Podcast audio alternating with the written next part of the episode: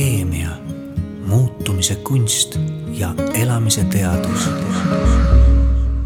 tere tulemast Annel Jurge teraapialaborisse, olemise kerguse ja mõtteselguse aegruumi. täna keskendume vaimse tervise teemadele ja meie stuudiokülaline on psühhiaater Kati Külm. tere tulemast stuudiosse, Kati! tere! kuidas sa ennast täna tunned? Natuke olen ärev, aga muidu hästi palun äh, algatuseks tutvusta ennast meie kuulajatele. ma olen päris kindel, et paljud inimesed äh, ei ole päris kindlad, mida tähendab üldse termin psühhiaater. Äh, psühhiaater on siis eriarst, mis tähendab seda, et ta on kõigepealt õppinud kuus aastat siis arstiks ja pärast seda siis astunud psühhiaatria residentuuri, mis siis Eestis on neli aastat ehk siis õpitakse lisaks äh, juhendaja siis käe all. ja sina oled selle pika teekonna kõik äh, edukalt läbinud. ja täpselt nii. ja äh, sinu töökäik on siis alguse saanud?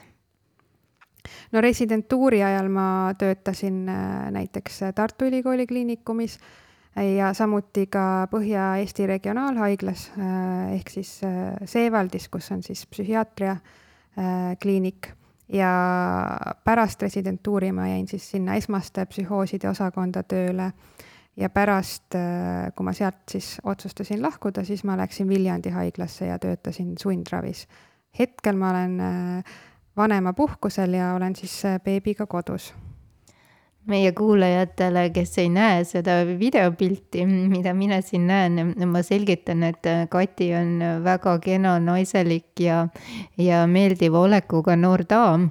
ja teda vaadeldes tekib mul paratamatult küsimus, et mis on sind drive inud, et sa just sellistesse karmidesse kohtadesse oled oma käigud teinud Äh, põhiliselt on see uudishimu ja põnevus, et miks inimesed käituvad nii, nagu nad käituvad.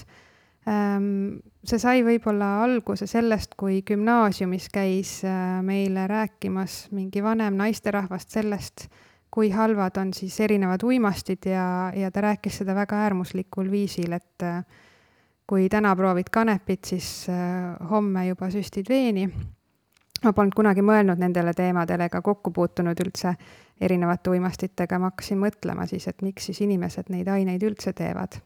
ja hakkasin lugema. Ja, ja see teema tundus mulle just väga huvitav, et, et kuidas erinevad ained saavad panna inimest käituma kuidagi teistmoodi, miks neil üldse neid vaja teha on? Ja sealt edasi juba lugesin erinevate häirete kohta ja, ja esialgu läksin õppima tegelikult proviisoriks just selle tõttu, et teada saada, et kuidas siis äh, erinevad ained ajus töötavad. aga see õppekava mulle väga ei meeldinud ja siis ma jätsin selle pooleli ja läksin arsti õppima ja siis ma juba teadsin, et tahan psühhiaatriks saada. ja oled sa täna tagasi vaadates äh, ka kahetsenud oma otsust? ei ole. et sul on jätkuvalt huvitav?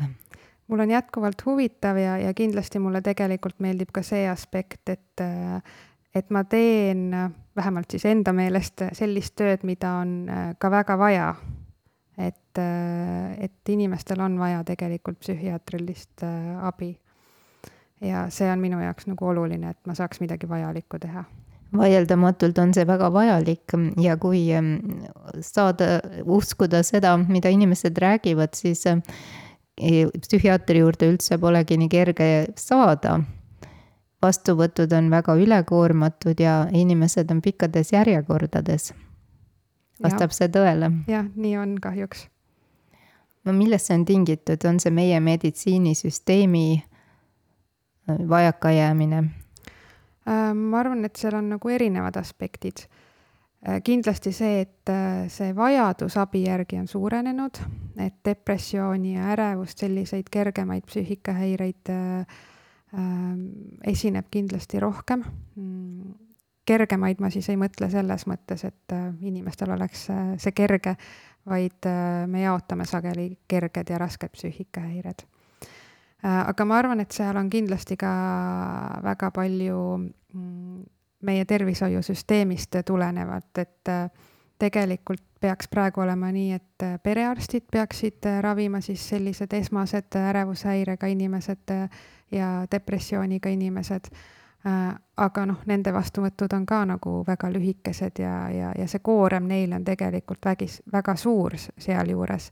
et äh, seda süsteemi annaks väga palju parandada tegelikult äh,. kõikide psüühikahäiretega ei pea kohe minema psühhiaatri juurde ja võib-olla paljud inimesed ei teagi seda, et nad saavad abi küsida perearsti käest aga kes siis sinu vastuvõtule pöörduvad, millised on need patsiendid, millised on nende kaebused?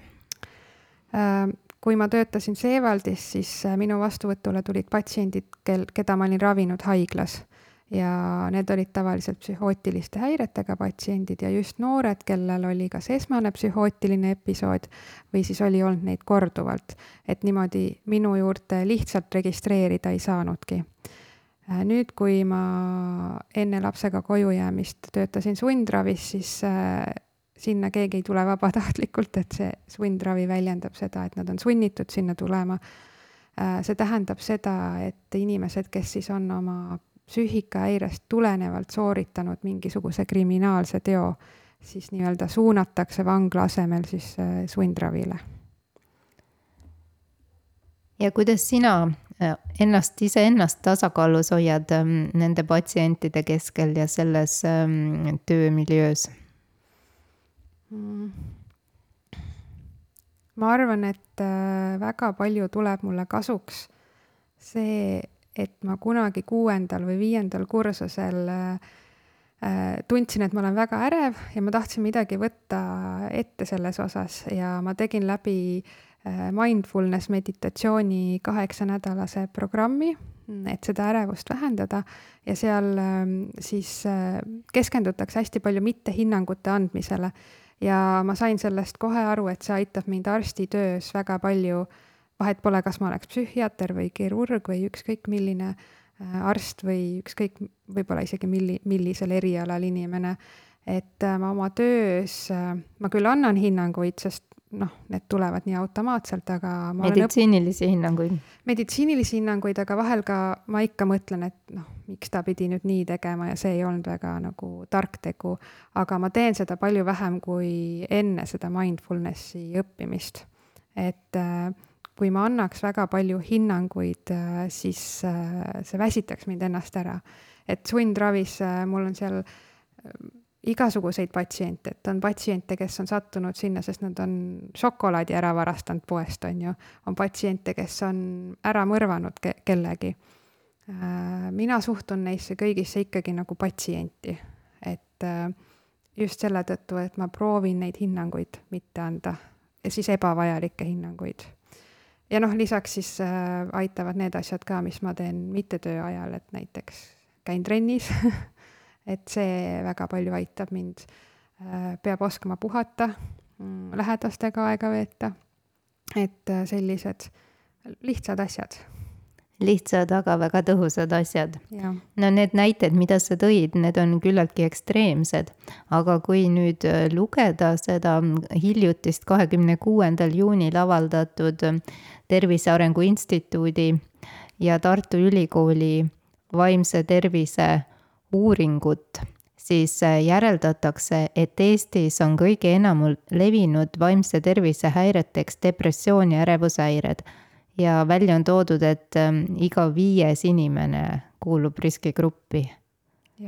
kuidas sa seda kommenteerid, sa ennem ütlesid, et ähm, need ärevushäired ja depressiooni haigestumine on viimasel ajal kasvanud, et miks see nii on? Noh, nüüd äh, lähemal viimasel ajal nii-öelda äh, kindlasti see koroona äh, aeg on seda väga palju mõjutanud, sest et oli lockdown, inimesed võib-olla jäid töödest ilma, üldse maailm oli niisugune väga ebastabiilne ja jätkuvalt on. Ähm, nüüd võib-olla inimesed on rohkem juba harjunud sellega, et ta on ebastabiilne. et kõik selline selgusetus ja, ja arusaamatus, et mis hakkab toimuma või toimuma või miks see toimus, et see kõik mõjutab. ja noh, lisaks ilmselgelt, kui inimesed kaotavad töö ja neil tekib mure selles osas, et kas neil on kuskil elada või kas nad saavad süüa osta, et siis, siis see ongi loomulikult väga palju pingeid tek-, tekitav. ja, ja kui selline situatsioon püsib kaua, siis, siis ongi see ärevus ja depressioon kerged tekkima. No kui palju ärevushäirete ja depressiooniga inimesi jõuab psühhiaatri vastuvõtule? ma nüüd täpset, täpselt protsenti ei saa öelda, aga, või ei oska öelda praegu peast, aga neid on kindlasti väga palju vähem, kui, kui seda haigust või, või seda häiret põeb. et äh, minu meelest sealsamas uuringus vist oligi kirjas, et üks viiendik vist jõuab ka psühhiaatri juurde tegelikult, siin ma võin nüüd eksida. Et teiste inimeste puhul aitab lihtsalt psühhoteraapia ja, ja siis võib-olla eneseabi ma arvan, et äh, võib-olla see, miks inimesed ei jõua psühhiaatri juurde, on see, et teadlikkus ühiskonnas on väga väike ja seda ei tunta ära, kui on, kui on depressioon või, või ärevus. ja teine asi, kui inimene on piisavalt pikalt olnud depressioonis, siis ta harjub sellega ära. et talle endale ei tundugi enam, et, äh, et tal oleks nii-öelda mingid probleemid, et ta ei saa sellest aru. et ähm, vaimse tervise häirete puhul ongi äh, Äh, see võib olla huvitav või raskendav faktor, et inimesed ei taba ise ära, et keegi neile peab kõrvalt ütlema. aga, aga seda pruugivad näha ainult lähedased, sest et äh, kui me lähme sõprade keskele, siis me ikkagi ju püüame olla äh, parimad et võib-olla neile mitte koormaks olla ja, ja, ja siis ei pruugigi keegi aru saada, et miskit nagu toimub. ja uus kooliaasta on jälle varsti meil ukse ees ja selleks peavad siis paljud noored ja ka nende vanemad ja teised tugiisikud uuesti vaimu valmis panema. aga paljude noorte jaoks on ka see väga väljakutsete rohke, sest et väidetavalt on just noored olnud need, kes on koroona ajal kõige rohkem pihta saanud äh,. jah, täpselt et äh, nende jaoks kindlasti oli väga suur koormus see kodu, kodus õppimine, eks, et kooli ei saanud minna ja ma arvan, et siin mängib ka väga suurt äh, rolli see, et ähm, paljude õpilaste jaoks võib-olla või laste ja noorte jaoks see kool oli kõige turvalisem koht. et kui kodus ei ole suhted hästi, siis äh, kui ei saa vahepeal kuskile sealt välja minna, võib muutuda olukord keeruliseks või kui näiteks kõik peavadki olema kakskümmend neli seitse Äh, koos, on ju, et vanemad teevad kodukontorit, lapsed peavad seal tegema äh, oma kooli, et siis noh, need pinged võivad kasvada ja kui, kui ei ole ka selliseid oskusi konflikte lahendada äh,, mida meile tegelikult ju koolis ei õpetata et siis äh,, siis ongi keerulisem. Ja kindlasti ka see, et äh, sellist vahetut kontakti sõpradega äh, oli ilmselt äh, väga vähe. Äh, ja mitte piisavalt. et see ju ka meid tegelikult lõõgastab, kui me räägime oma sõpradega, jagame nendega muret. absoluutselt. jah. aga kui sa saaksid midagi soovitada nüüd nende noortele ja nende vanematele, kes meid täna kuulavad, et mida on võimalik preventiivselt ette võtta, et ennetada niisugust olukorda? Äh, ma arvan, et äh, võib-olla vanematele ma soovitaksin seda, et nad kuulaksid oma lapsi, tunneksid huvi, küsiksid kuidas neil läheb ja siinkohal võib-olla ma tooksin välja, et mitte, et kuidas neil koolis läheb ja mis hinded on, vaid et kuidas siis sellel noorel või lapsel nagu päriselt läheb, et kuidas ta ennast tunneb. ja, ja teha nendega koos asju, et ehitada üles selline usalduslik suhe, sest et siis tulevad need noored ja lapsed nende juurde, kui neil on mure või probleem. Ähm, ja lastele ja noortele ma soovitaksin seda, et äh, nad püüaksid mõelda et kas neil on keegi, keegi, kellega rääkida, kas või üks inimene, et kui neil on mõni mure, et kelle juurde nad saavad minna niimoodi, et nad äh, oleksid valmis ennast avama. et selleks võib olla sõber, selleks võib olla ema-isa, aga selleks võib olla näiteks äh, ka, ma ei tea, koolis keegi õpetajaga, kellega on usalduslik suhe ja, ja võib-olla ma tahaksin siin ka äh, teha väikest reklaami et Eestis on äh, selline lehekülg nagu peaasi.ee et äh, sealt saab lugeda erinevate häirete kohta, need on lihtsasti arusaadavalt kirjutatud ja seal on ka selline nupuke, kus saab siis tasuta nõustamist endale broneerida. et võib-olla just noortele, kellel ei tule kohe mõttesse, et kellega ma siis räägin oma probleemist et äh, siis nad saavad seal äh, nõustamist ja võib-olla siis need nõustajad äh, aitavad neil välja mõelda, et kuidas siis oma selle probleemiga edasi tegeleda.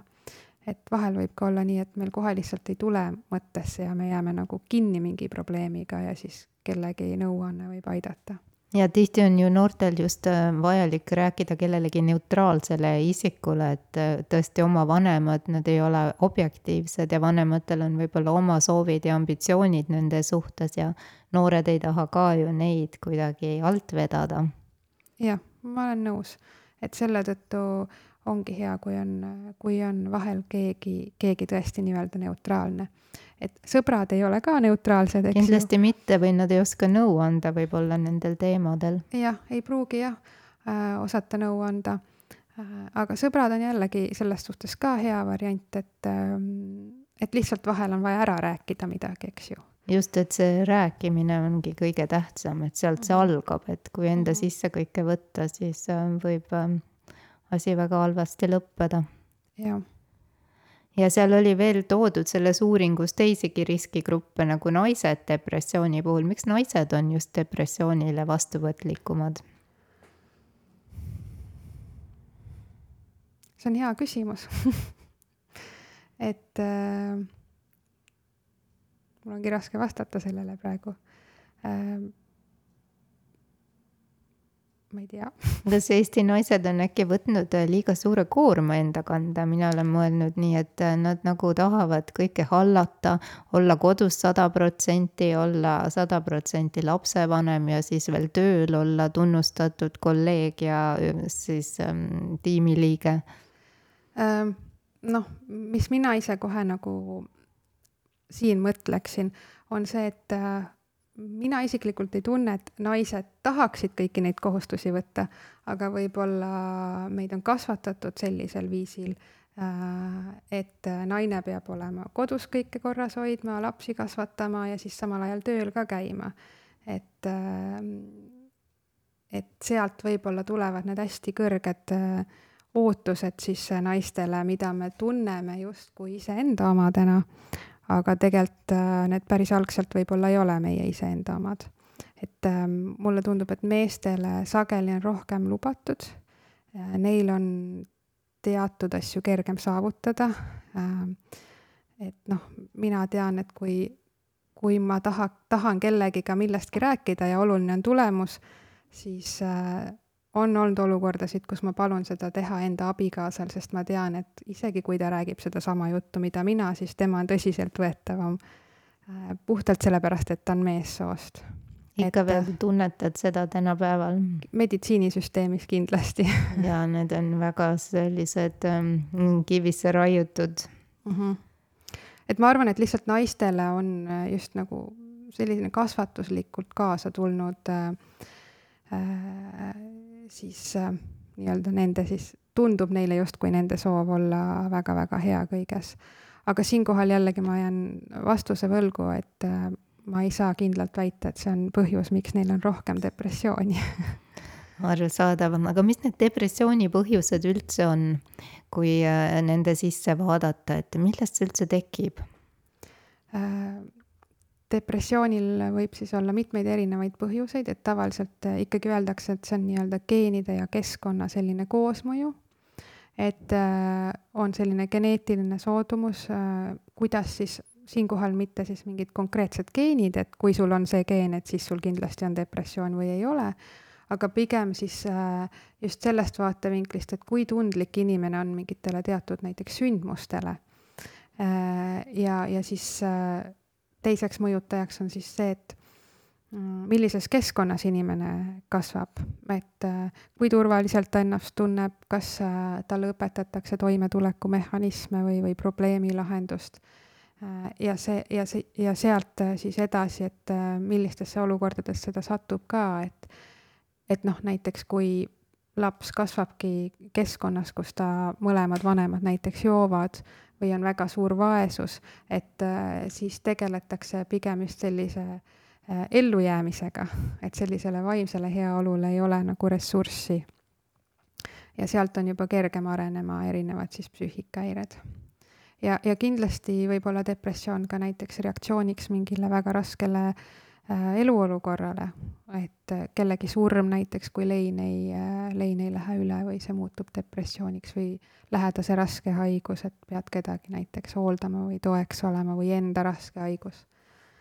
et, ähm, et ähm, ühesõnaga, et depressiooni põhjused siis võiksidki olla see, et milline on siis inimese geneetika ja kuidas see siis reageerib sellele keskkonnale üheks äh, depressiooni tekke põhjuseks peetakse ka sellist äh, ajukeemia tasakaalutust. kuid äh, viimasel ajal on meedias levinud väga üks Inglise Londoni ülikooli uurimus, kus teadlased ütlevad, et siis serotoniini tasakaalutus ajus ei ole tõenäoliselt depressiooni põhjus mis teeb nüüd kõik need antidepressandid justkui nende väärtuse seab kahtluse alla. kuidas sina sellesse suhtud?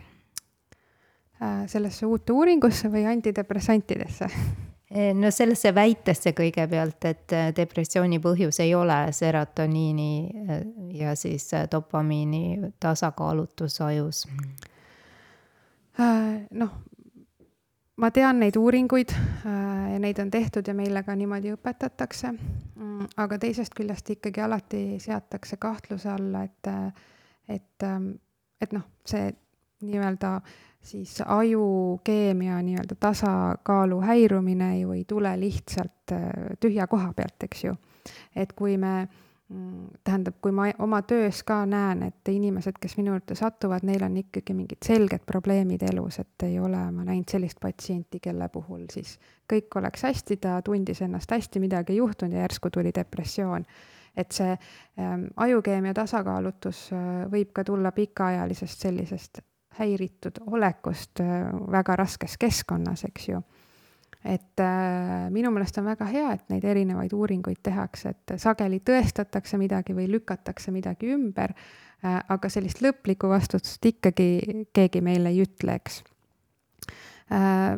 antidepressante ma kohe kahtluse alla ei seaks, sellepärast et mina enda töös äh, näen tegelikult, et äh, õigesti kasutades nad aitavad väga palju, et olukordades, kus on väga mitmeid olukordi, kus me lihtsalt ei saa ilma nendeta. et äh, ma arvan, et see aju uurimine äh, on ikkagi väga keeruline ja sellist nagu selget põhjapanevat vastust lähiajal äh, ka sellele ei tule, et me peamegi just vaatama praktikas, et mida me siis saame kasutada nende inimeste aitamiseks, kes on tegelikult väga hädas. ja eks iga inimene on täiesti eraldiseisev ja unikaalne lugu ja tema ravi on ka see, mis talle, ühele inimesele on hea, see ei pruugi teisele inimesele sobida. täpselt nii ja et äh, isegi kui me võime neil diagnoosida äh, kõigil depressiooni, siis see ravi võib olla täiesti erinev.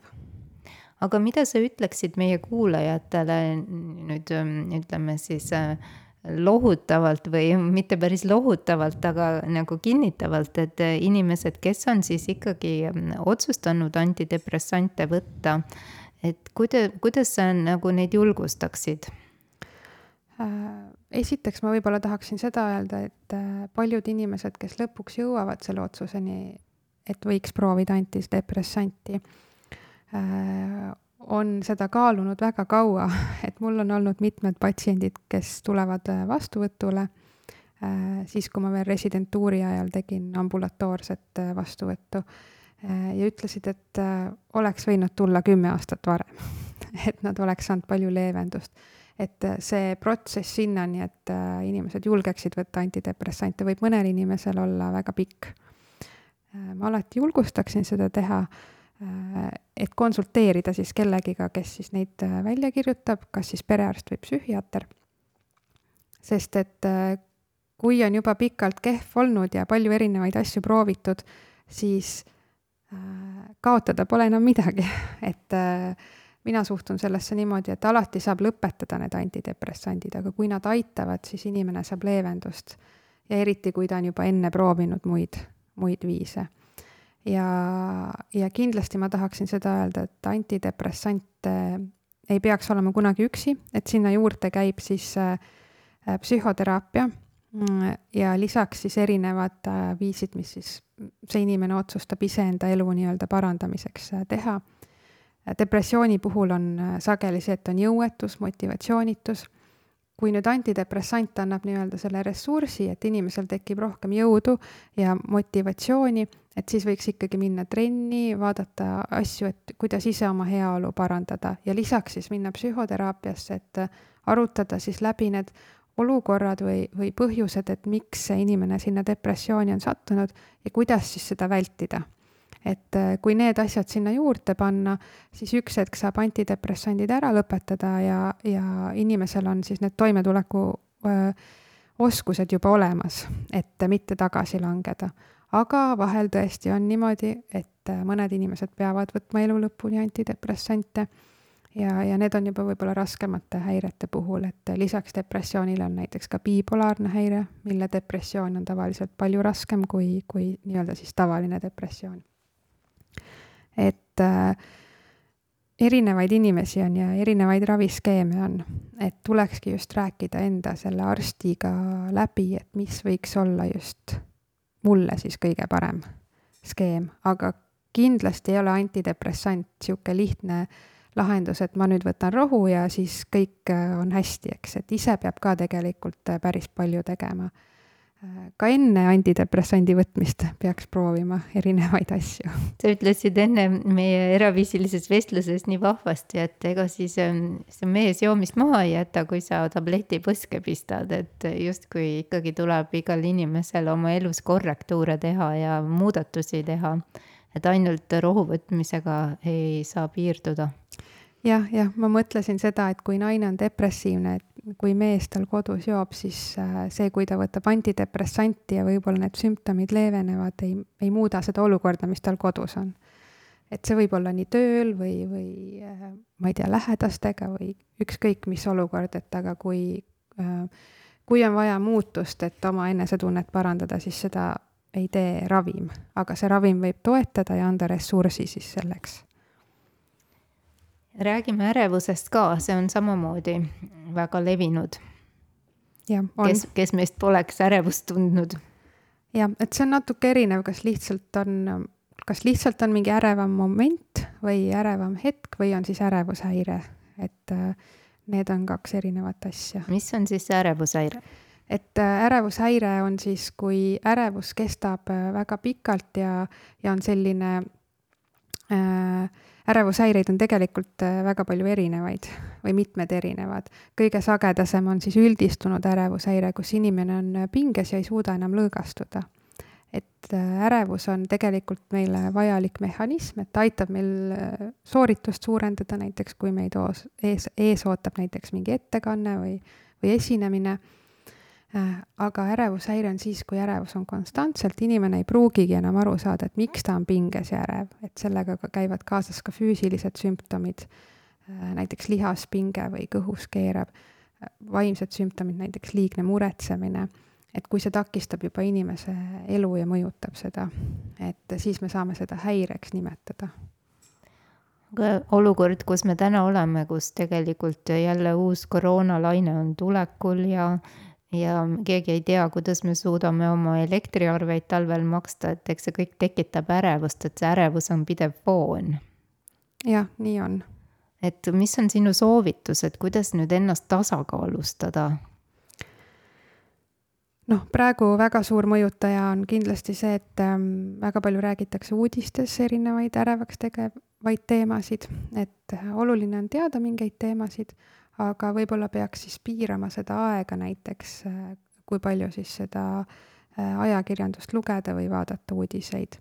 siis tuleks võib-olla enda pea siis, peas või siis näiteks paberile panna kirja, et mida ma siis saan teha praegu, et mis on siis minu tegevusplaan, et näiteks ähm, ma ei tea, mul on kodus gaasiküte ja mis saab siis, kui gaas saab otsa, et mida ma saan siis teha, et mis need erinevad viisid võiksid olla et kui inimene mõtleb läbi, et mis on tema lahendused, et siis see ka vähendab ärevust. ja, ja lisaks kindlasti ikka ja jälle käivad sinna need füüsiline aktiivsus ja puhkamine ja, ja, ja meeldivad tegevused ka juurde äh,. ärevust aitab leevendada näiteks selliste asjade kontrollimine, mida inimene saab kontrollida, et näiteks toa koristamine. et kui kõik on sassis, siis äh, see annab koheselt selle tunde, et midagi saab muuta. Äh, kindlasti rääkimine lähedastega sellest, et mis ärevaks teeb. Ähm, aga siinkohal ma tahaksin ära mainida ka selle, et ärevus ei ole midagi, mida peab alati vältima või et see oleks mingi halb asi, et teatud olukorrad äh, ongi ärevaks tegevad ja see ongi loomulik. ja kui me hakkame üritama, üritama seda alla suruda nii-öelda, et äh, kui ma ei teagi, kuidas ma endal talvel tuba soojana hoian, siis äh, see ongi ärevaks tegev ja see ei peakski olema mitte ärevaks tegev, et är-, ärevus aitabki meil nii-öelda leida neid lahendusi ja ja, ja olla valmis siis äh, reageerimaks, kui miskit juhtub, eks. et äh, see, kui me need, see, kui need olukorrad meid praegu teevad ärevaks, ongi loomulik see on üks väga tark ähm, märkamine, mida sa ütlesid, et ärevust on tegelikult meile vaja ka, et see on ikkagi mingisugune signaal, et ähm, tuleb teha muutus või leida mingi teine lahendus, et lihtsalt mediteerimine ja joogas käimine ja lihtsalt niisugune zen-teadvus, see ei aita meid neid praktilisi probleeme lahendada, et paljud inimesed nagu üritavad minu arust tänapäeval pead panna vaiba alla või pugeda laua alla peitu ja mitte tahta nende probleemidele otsa vaadata. Jah, see, see võib olla niimoodi, et tõesti, et sageli me saamegi lahendada äh, ja vähendada oma ärevust, et me mõtleme siis välja mingi plaani või mõtleme välja mitu erinevat plaani ja erinevad stsenaariumid, millal siis mida kasutada, et joogas käimine tõenäoliselt talvel tuba soojaks ei tee. Kuigi jooga võib äh, leevendada ärevust, kui on selline üldistunud ja mitte konkreetse põhjusega ärevus, et äh, sellel on ka ikkagi oma koht olemas. Muidugi sellel kõigel on oma koht, lihtsalt proportsioon on oluline, et äh, kui palju, mida enda ellu lubada ja, ja millele seda tähelepanu suunata. Mm. -hmm aga mis siis ikka saab, kui ärevus ei lähe üle, kui ikkagi tehagi joogat ja teha tuba korda ja, ja teha plaan, kuidas ähm, elektriarveid äh, vähendada, aga ikkagi on see ärevus peal. et kui on siis ikkagi vajadus äh, tabletipurgi järele haarata võib-olla kohe ei olegi äh, vaja tabletipurgi järele haarata, et kõigepealt peaks ikkagi minema arsti juurde või võib ka minna psühholoogi juurde. Et äh, nemad siis annaksid nõu, et kas siis on ravi vaja või ei ole vaja ravi. et äh, psü-, psühholoog saab äh, sageli mm, soovitada siis erinevaid tehnikaid, kuidas siis ärevust leevendada. ja noh, muidugi, kui on vaja, siis ärevust ravitakse samamoodi antidepressantidega tegelikult, kuigi palju kirjutatakse välja ka rahusteid mina isiklikult kirjutan patsientidele väga vähe ja väga mm, era, erilistel juhtudel äh, rahustit, et äh, või võib-olla erilistel on nagu vale sõna, et pigem hästi harva, siis kui on väga suur äh, potentsiaal, et antidepressandid võivad alguses natukene ärevust suurendada.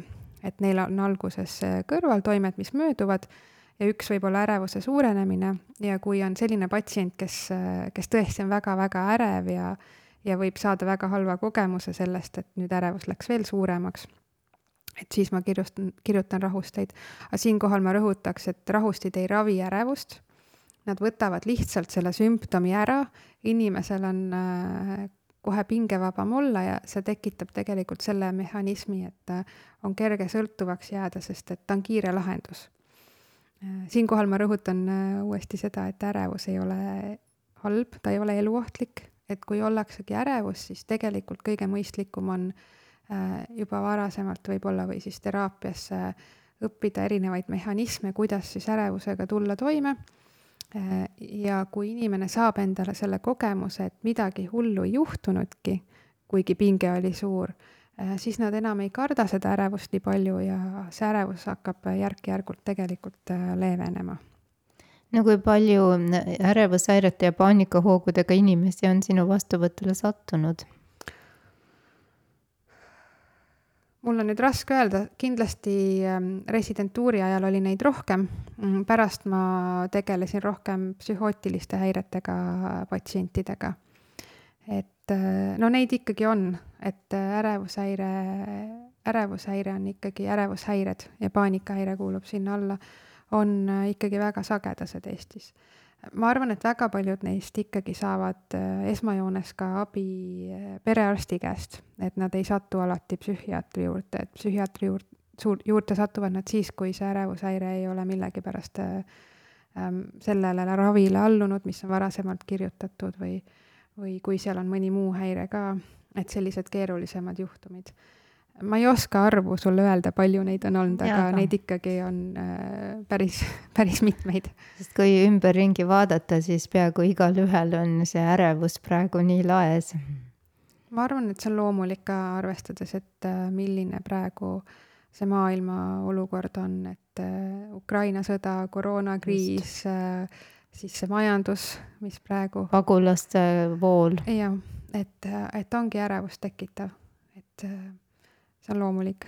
jah, ja siis ikkagi igaüks saab äh, ise otsustada, mida ta endale sisse laseb, et äh, kui palju informatsiooni ja, ja millele ta oma tähelepanu keskendab, et seda ärevust siis mitte juurde toota jah, no mina sellepärast äh, ei vaata juba, ma arvan, peaaegu kümme aastat üldse uudiseid, sellepärast et äh, ma sain aru, et need teevad mind nii ärevaks ja siis ma lõpetasin nende vaatamise ja see toimis.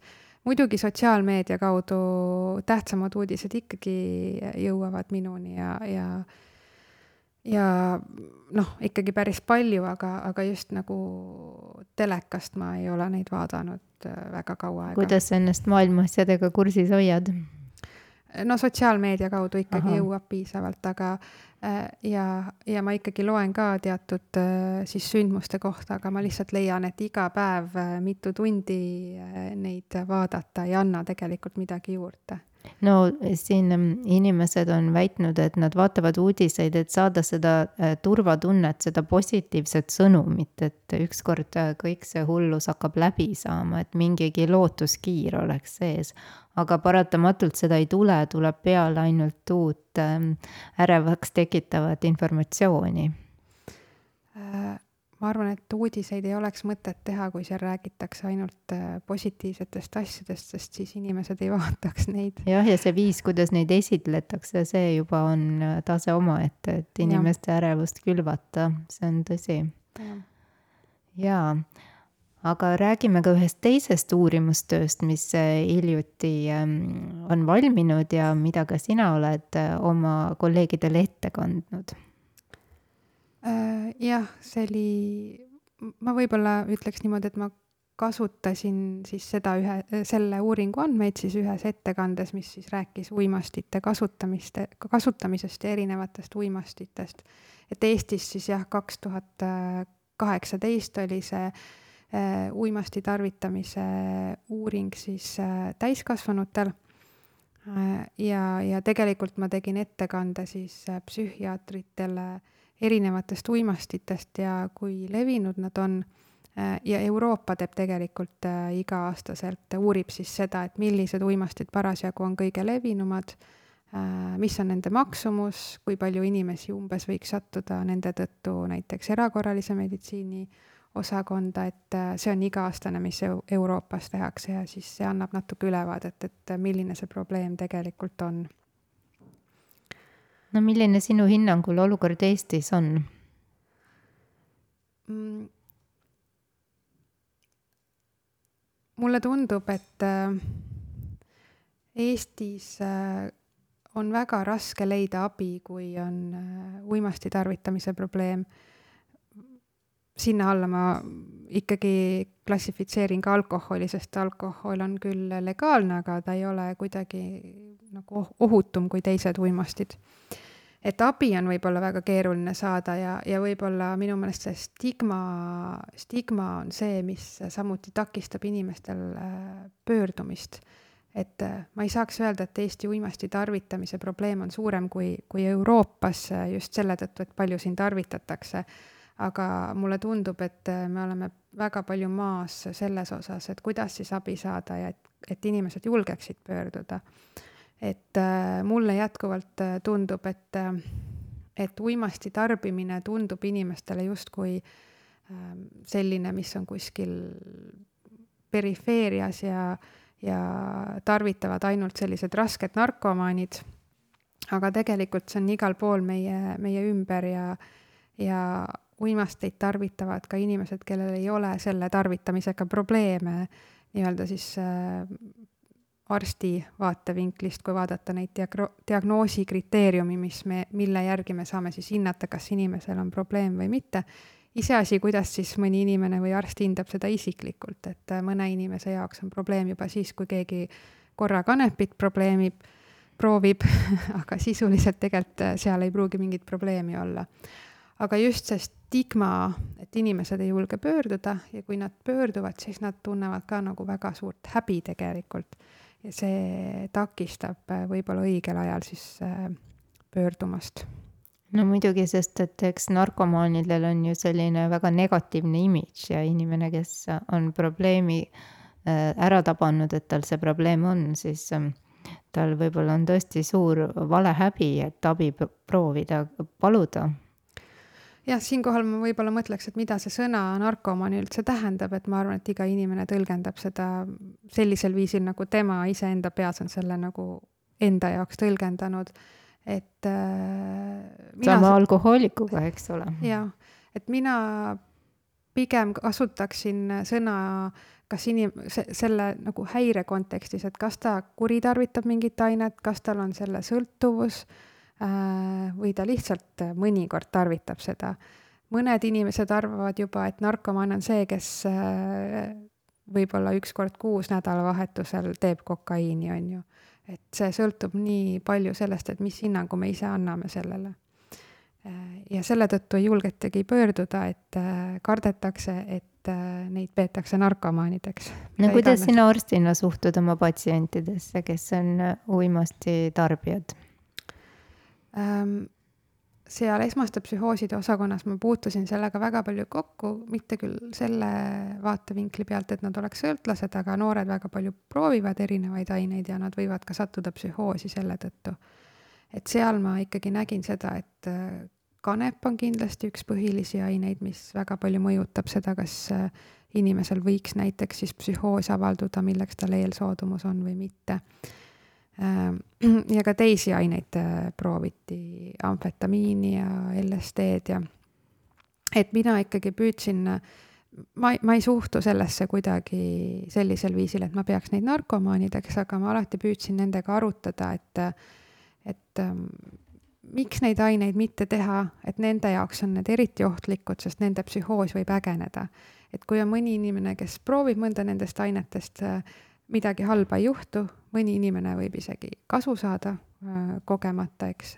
noh, praegu uuritakse maailmas väga palju MDMA ja, ja siis psilots-, psilotsibiini äh, toimet, äh, mis on siis maagilistes seentes just depressiooni ja sõltuvuse kontekstis, et need võiks aidata Äh, et me peame, peamegi vaatama siin seda konkreetset äh, juhtu nii-öelda, et äh, esmaste psühhoosidega, esmaste psühhooside osakonnas ja nende patsientidega tavaliselt me pidime ikkagi arutama seda, et miks neil, just neil konkreetselt ei oleks mõistlik neid aineid teha ja mida nad siis võivad, võivad siis põhjustada no selgita meie kuulajale lahti, et millised on need psühhoosi tunnused, et kuidas seda ära tunda, kui üks inimene on psühhoosi sattunud just mhm. uimasti tarvitamise tagajärjel?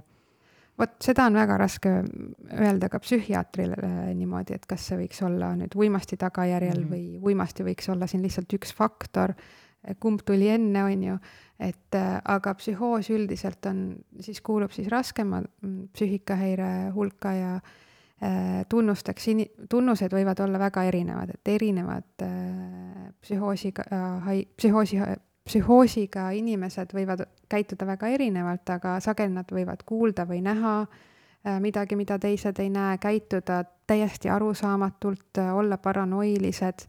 Ähm, sageli haiglasse nad jõuavad niimoodi, et nad teevad midagi Äh, väga teistmoodi, kui me oleme harjunud, et keegi ühiskonnas teeb, et noh, näiteks ma ei tea, kõnnib paljalt miinus kahekümne kraadiga kuskil väljas, eks ju. Või, või, või karjub tänaval või teeb mingisuguseid kummalisi asju. no siis ta satub haiglasse tõenäoliselt äh, ikka teiste inimeste abiga, et võib-olla ta ise ei jaga äragi siis selles äh, seisundis, et äh, peaks abi paluma äh,. tavaliselt psühhoosiga inimene ise ei saa aru, et äh, tal võiks olla psühhoos äh, tema Just. pigem arvab, et temaga on kõik korras, ta võib lihtsalt olla paranoiline, näiteks kapo jälitab mm -hmm. teda või midagi sellist. Et üldiselt nad ise ei pöördu ja üldiselt äh, tuuakse nad ikkagi kiirabiga, kui nad on midagi äh, ohtlikku siis teinud, näiteks iseennast just ohtu seadnud ähm,. ja siis ähm, nad satuvad juba sellises ägedas seisundis haiglasse, kuigi need tunnused võisid olla juba varem aga sellest um, uuringust um, selgus, et Eestis kõige rohkem siiski tarvitatakse alkoholi ja kanepit ja kõige aktiivsem elanikkonnagrupp on just noored, kuusteist kuni kolmkümmend neli. Mhm. nii on jah, tavaliselt neid tarvitatakse ka veel koos, et äh, kanep on äh, muutunud ikkagi väga populaarseks, et ilmselt tema kättesaadavus on siis palju, palju tõusnud ja, ja kindlasti ka see suhtumine just, et ähm, kanep on äh, loodus, et kuidas loodus saab siis olla kahjulik. väga paljud inimesed arvavad nii mm. -hmm.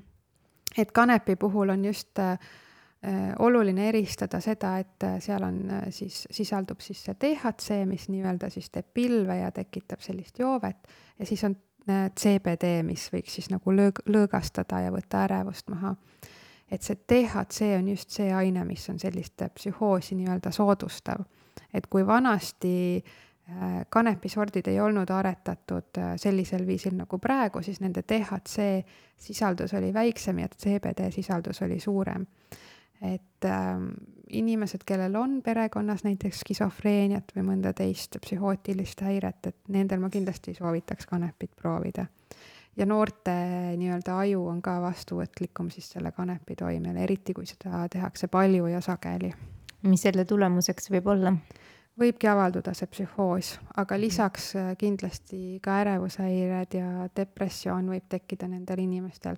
siinkohal jälle on alati küsimus, et ma üritan ka patsientidega äh, arutada seda, et kumb siis oli enne, et kas neil oli ärevus enne ja siis nad hakkasid äh, suitsetama selle leevendamiseks kanepit ja siis võib-olla see ärevus ikkagi läks hullemaks. et seda tuleb kõike siis arutada ja võib-olla iseennast analüüsida. ja mida kanepi tarvitajad ütlevad, on äh, lühimälu läheb väga halvaks, koolis on seetõttu raske hakkama saada et, et seda peaks äh, noored ka silmas pidama, et mitte endale karuteenet teha jah, mina võib-olla isegi vaataksin nagu kaugemale, et äh, miks mul siis ikkagi on vaja iga päev kanepit suitsetada? võib-olla ma tahan kuuluda kuhugi punti, kus see on tunnustatud tegevus. võib-olla see, sellepärast et noortele see kuuluvustunne on ikkagi väga oluline. ja kanep, kanep on suhteliselt odav kraam ka võrreldes mõne teisega ähm Eestis, minu meelest ma vaatasin, Eestis oli kakskümmend eurot äkki see kanepigrammi hind, äh, vähemalt siis see kaks tuhat kakskümmend, kui see uuring äh, tehti.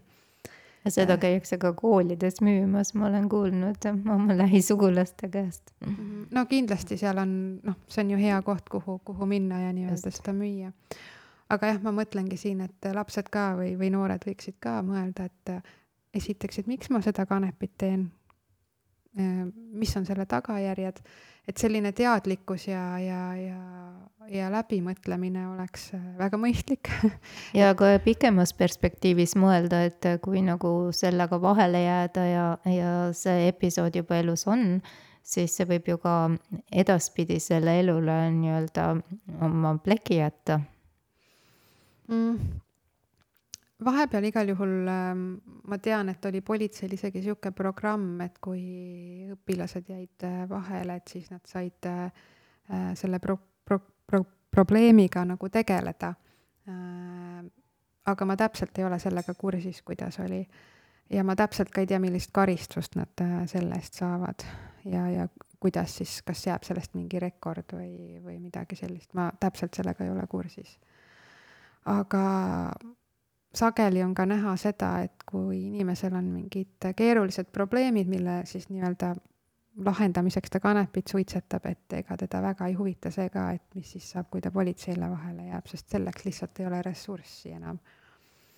et ähm, mina isiklikult arvan, et äh, noored võiksid saada palju rohkem informatsiooni selles osas, et mida see kanep siis teeb nende ajuga, et miks ei oleks seda mõistlik äh, suitsetada näiteks äh, nii varases eas, kui nemad seda teevad, et või kas üldse kunagi on, et ja teisest küljest võiks see olla aktsepteeritud, et noored on uudishimulikud ja noh, sageli nad võivad seda proovida uudishimust aga lihtsalt, et nad teeksid siis äh, nii-öelda äh, teadvustatud äh, valiku, et millal proovida, kas proovida, kas muudishimu on nagu kas seda on vajalik nagu rahuldada nii-öelda, et, et nad teaksid siis, mida nad teevad, mis on selle ohud.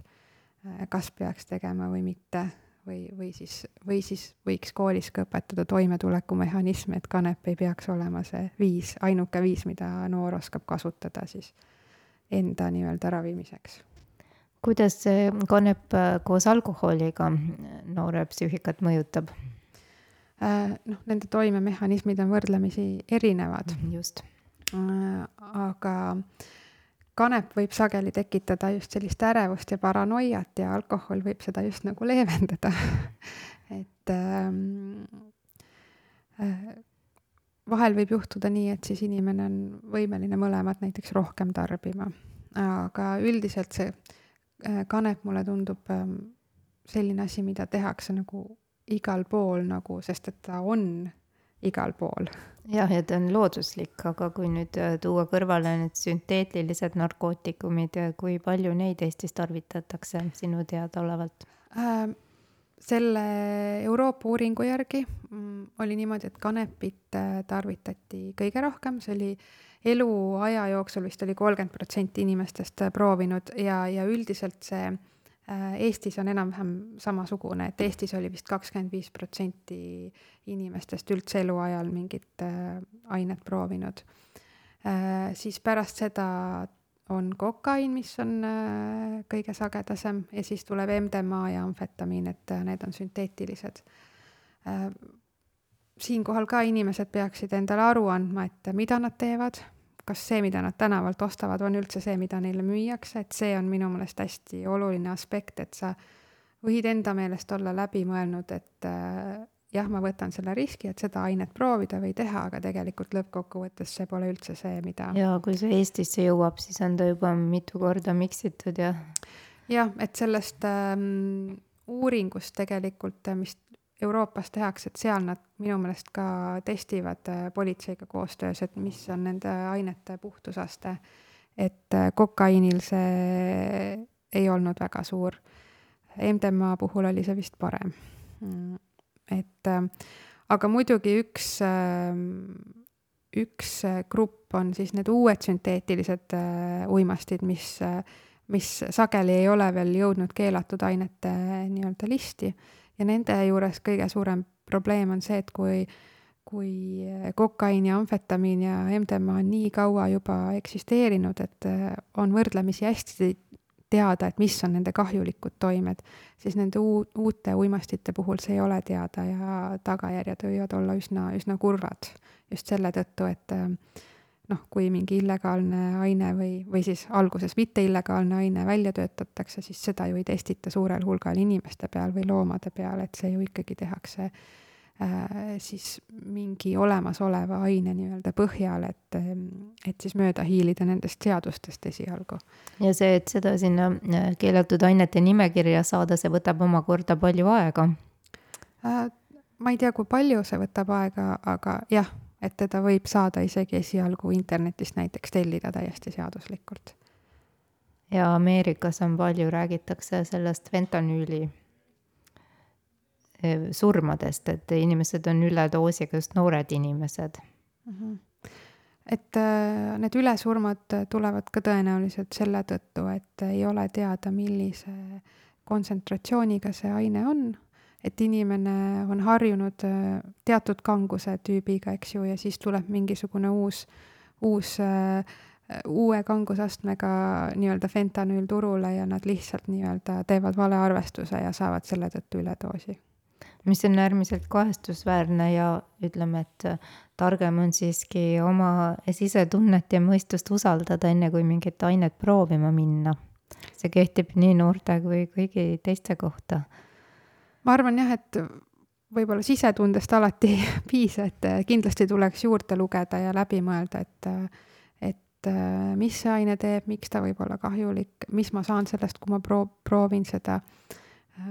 ja oluline on võib-olla siin ka teada seda, et inimese aju ikkagi on arenev vähemalt kahekümne viienda eluaastani, võib-olla isegi kauem see tähendab seda, et ta on väga vastuvõtlik erinevatele siis ainetele, mida inimene siis manustab.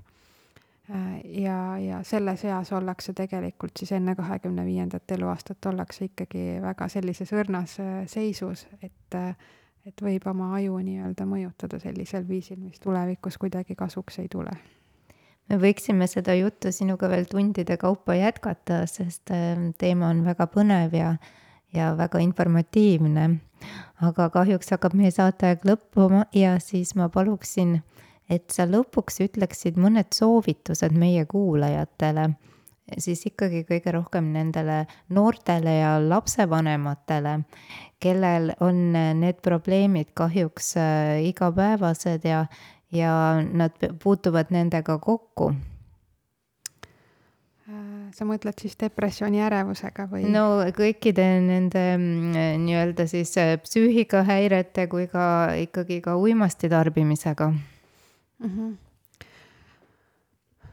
noh, kuna ma ise sain just emaks, siis äh, ma olen mõelnud seda, et ma tahaksin väga proovida ja anda endast kõike, et ehitada selline usalduslik äh, suhe oma pojaga, et ta ikkagi julgeks mulle rääkida, kui tal on mingid probleemid, et ta julgeks minu juurde pöörduda. kas või lihtsalt selleks, et arutada midagi. ja, ja siinkohal minu soovitus olekski võib-olla lapsevanematele see, et just ennetada neid probleeme, et luua see usalduslik suhe, et kuulata oma lapsi, võib-olla mitte kohe kukkuda õpetama, et äh, mida nad tegema peaks, sest see ei ole kuulamine, eks. et tagasi peelde, peegeldada ja, ja aktsepteerida neid lapse emotsioone, mis siis tekivad. Äh, ja kui on selline usalduslik suhe, ehk siis lapsed räägivad ise või nad ei jõuagi selleni, kus neil on vaja siis äh, mingisuguseid aineid selleks, et enda enesetunnet mingil määral parandada. ja ma arvan, et see olekski mu põhiline soovitus. Nii et kõik algab ikkagi kodunt ja, ja usalduslikust vahekorrast lapse ja lapsevanema vahel?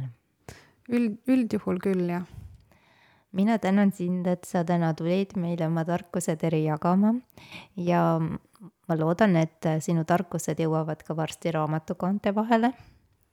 vot seda ma ei oska öelda ja siis ma tahaksin veel sind ähm, õnnitleda, mida ma juba meie kohtumisel tegin sinu väikese poja puhul.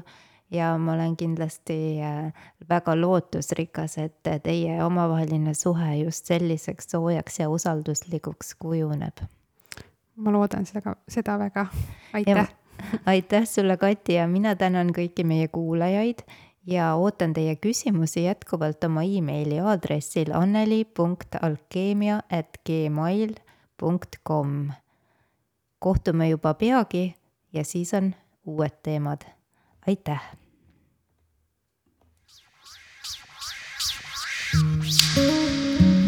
alkeemia, muutumise kunst ja elamise teadus